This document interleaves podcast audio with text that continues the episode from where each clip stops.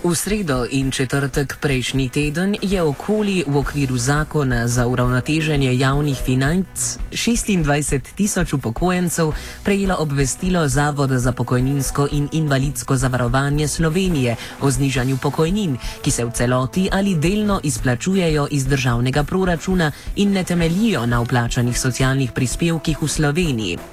Pokojnine so se tako znižale 8 tisočim upokojencem, ki so del delovne dobe pridobili v nekdani socialistični federativni republiki Jugoslaviji in sicer v podjetjih ali organizacijah, ki so imela sedež v drugih republikah SFRJ-ja. Nadalje so se pokojnine zmanjšale 7500 borcem narodno-osvobodilnega boja. 4000 nekdanjim beguncem in internirancem ter 2700 vojaškim zavarovancem. Zanimivo je dejstvo, da se pokojnina ni znižala vsem upokojencem, saj so ostali nedotaknjeni žepi pripadnikov teritorijalne obrambe in policistov, ki so v vojaški agresiji na Slovenijo opravljali dožnost pri obrambi države, kot bodo med drugim nedotaknjene tudi pokojnine žrtev dahovskih procesov.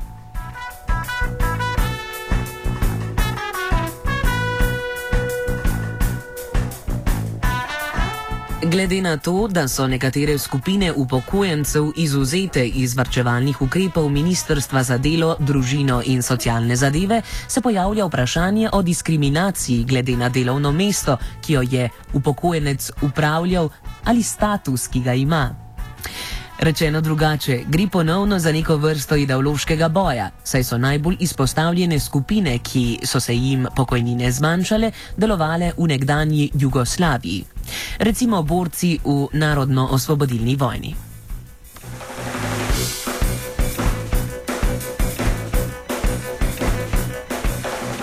Vlada namerava s tem manevrom prihraniti 170 milijonov evrov v državni blagajni in ubiti dve muhi na en mah. Ker upokojenci niso prejeli nikakršnega pojasnila o zmanjšanju pokojnin, ampak zgolj obvestila, je Zveza društev upokojencev Slovenije danes napovedala, da namerava vložiti na ustavno sodišče zahtevek, da sodišče preuči člene zakona, po katerih so se omenjene pokojnine zmanjšale. Govorili smo s podpredsednikom Zveze Mirko Miklavčičem zvezi z uravnoteženjem javnih financ in ta kompleks zakonov, ki je bil sprejet, se njihovo dejansko, dejansko določilo zakona, ki se tiče pokojnin tistih, ki so bili plačani iz proračuna, spravi vsi tisti, ki so delali v bilo kateri republiki bivše Jugoslavije, ne, eh, se pravi znižalo po tam, da bom govoril, lahko si prečitate v zakonu različno, koliko je kdo imel. Zdaj, seveda, to po našem mnenju Zvezdušo pokojnicov eh, ni pošteno, niti, niti higienično, še manj pa ustavno. In mislim, da se je tle, more vsak posameznik eh, na ta zahtevek, oziroma na ta obvestilo, ki je dobil, da zahtevek, da mu izplačajo manjkajoči del in ta, za ta mesec in naprej.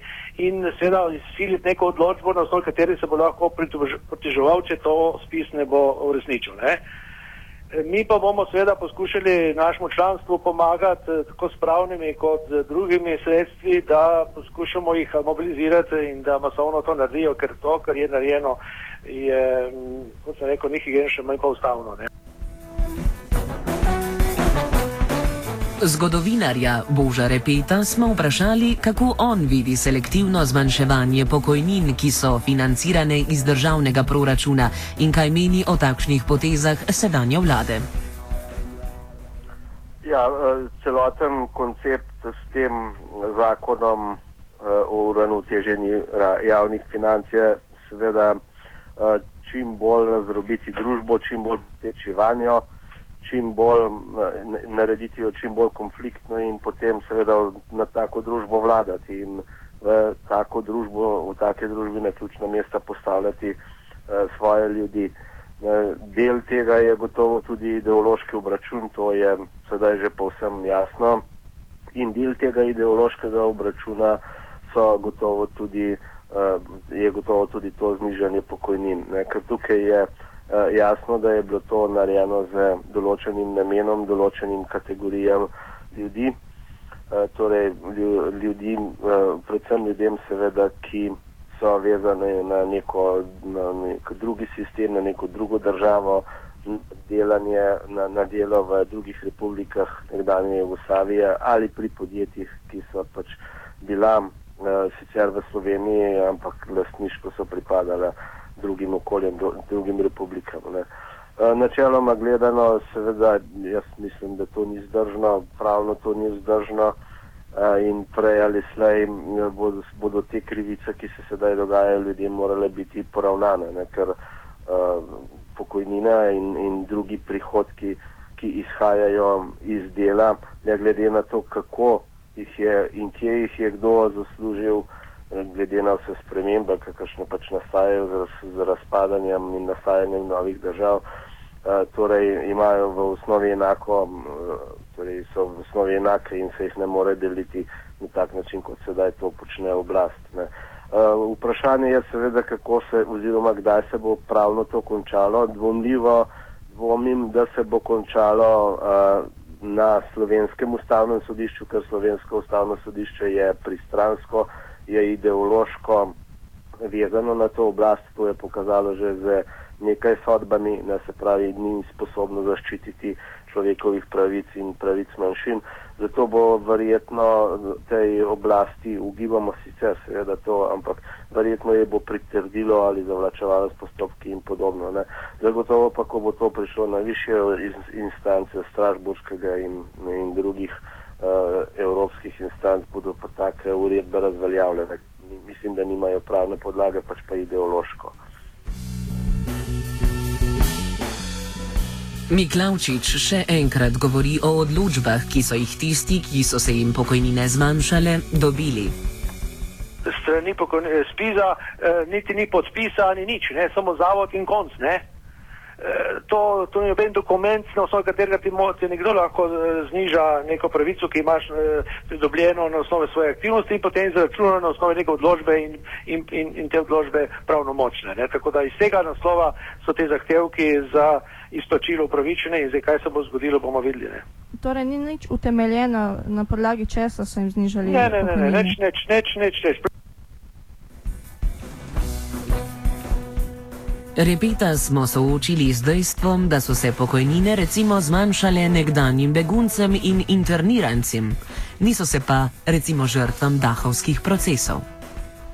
No, se to je ena od takih uh, zadev, ki kaže pravzaprav na nesmiselnost, nenačelnost in tudi protizakonitost takih, uh, uh, takih odločitev. Ne? Ker uh, sedaj smo v situaciji, da nek organ ali nek posameznik uh, odloča, kdo ima pravico do uh, pokojnin ali dela pokojnin, kdo nima, katere žrtve so prave, katere žrtve niso prave in tako naprej. Ne? Torej, tu je popolni pravni voluntarizem, ne? to je pač revolucionarna logika kakršno smo lahko sledili v prvih letih po drugi svetovni vojni. Potem se je to spremenilo, da je slovenski pravni sistem vendarle uh, zaživel. Uh, ampak prva leta so bila točno taka po vojni. Ne? Torej, mi doživljamo leto 45. Eh, potem se zgleda, da ima država politiko razdeljen in vlade. Ja, to je osnova te politike. To gotovo, pri čemer je uh, njen glavni vzornik uh, Mačarska. Uh, Ne, ampak seveda Mačarska je država, v kateri je sedanja oblast legitimno dobila večino zmagala na volitvah, dobila več kot 60 odstotkov. Ne, in Mačari so se pač tako odločili, to je njihova odločitev ne, in za njo nosijo tudi posledice. Offside so pripravili Urh, Aleksandra in Marko. Oh. Oh. Oh. Oh. Oh. Oh. Oh. Oh. Oh.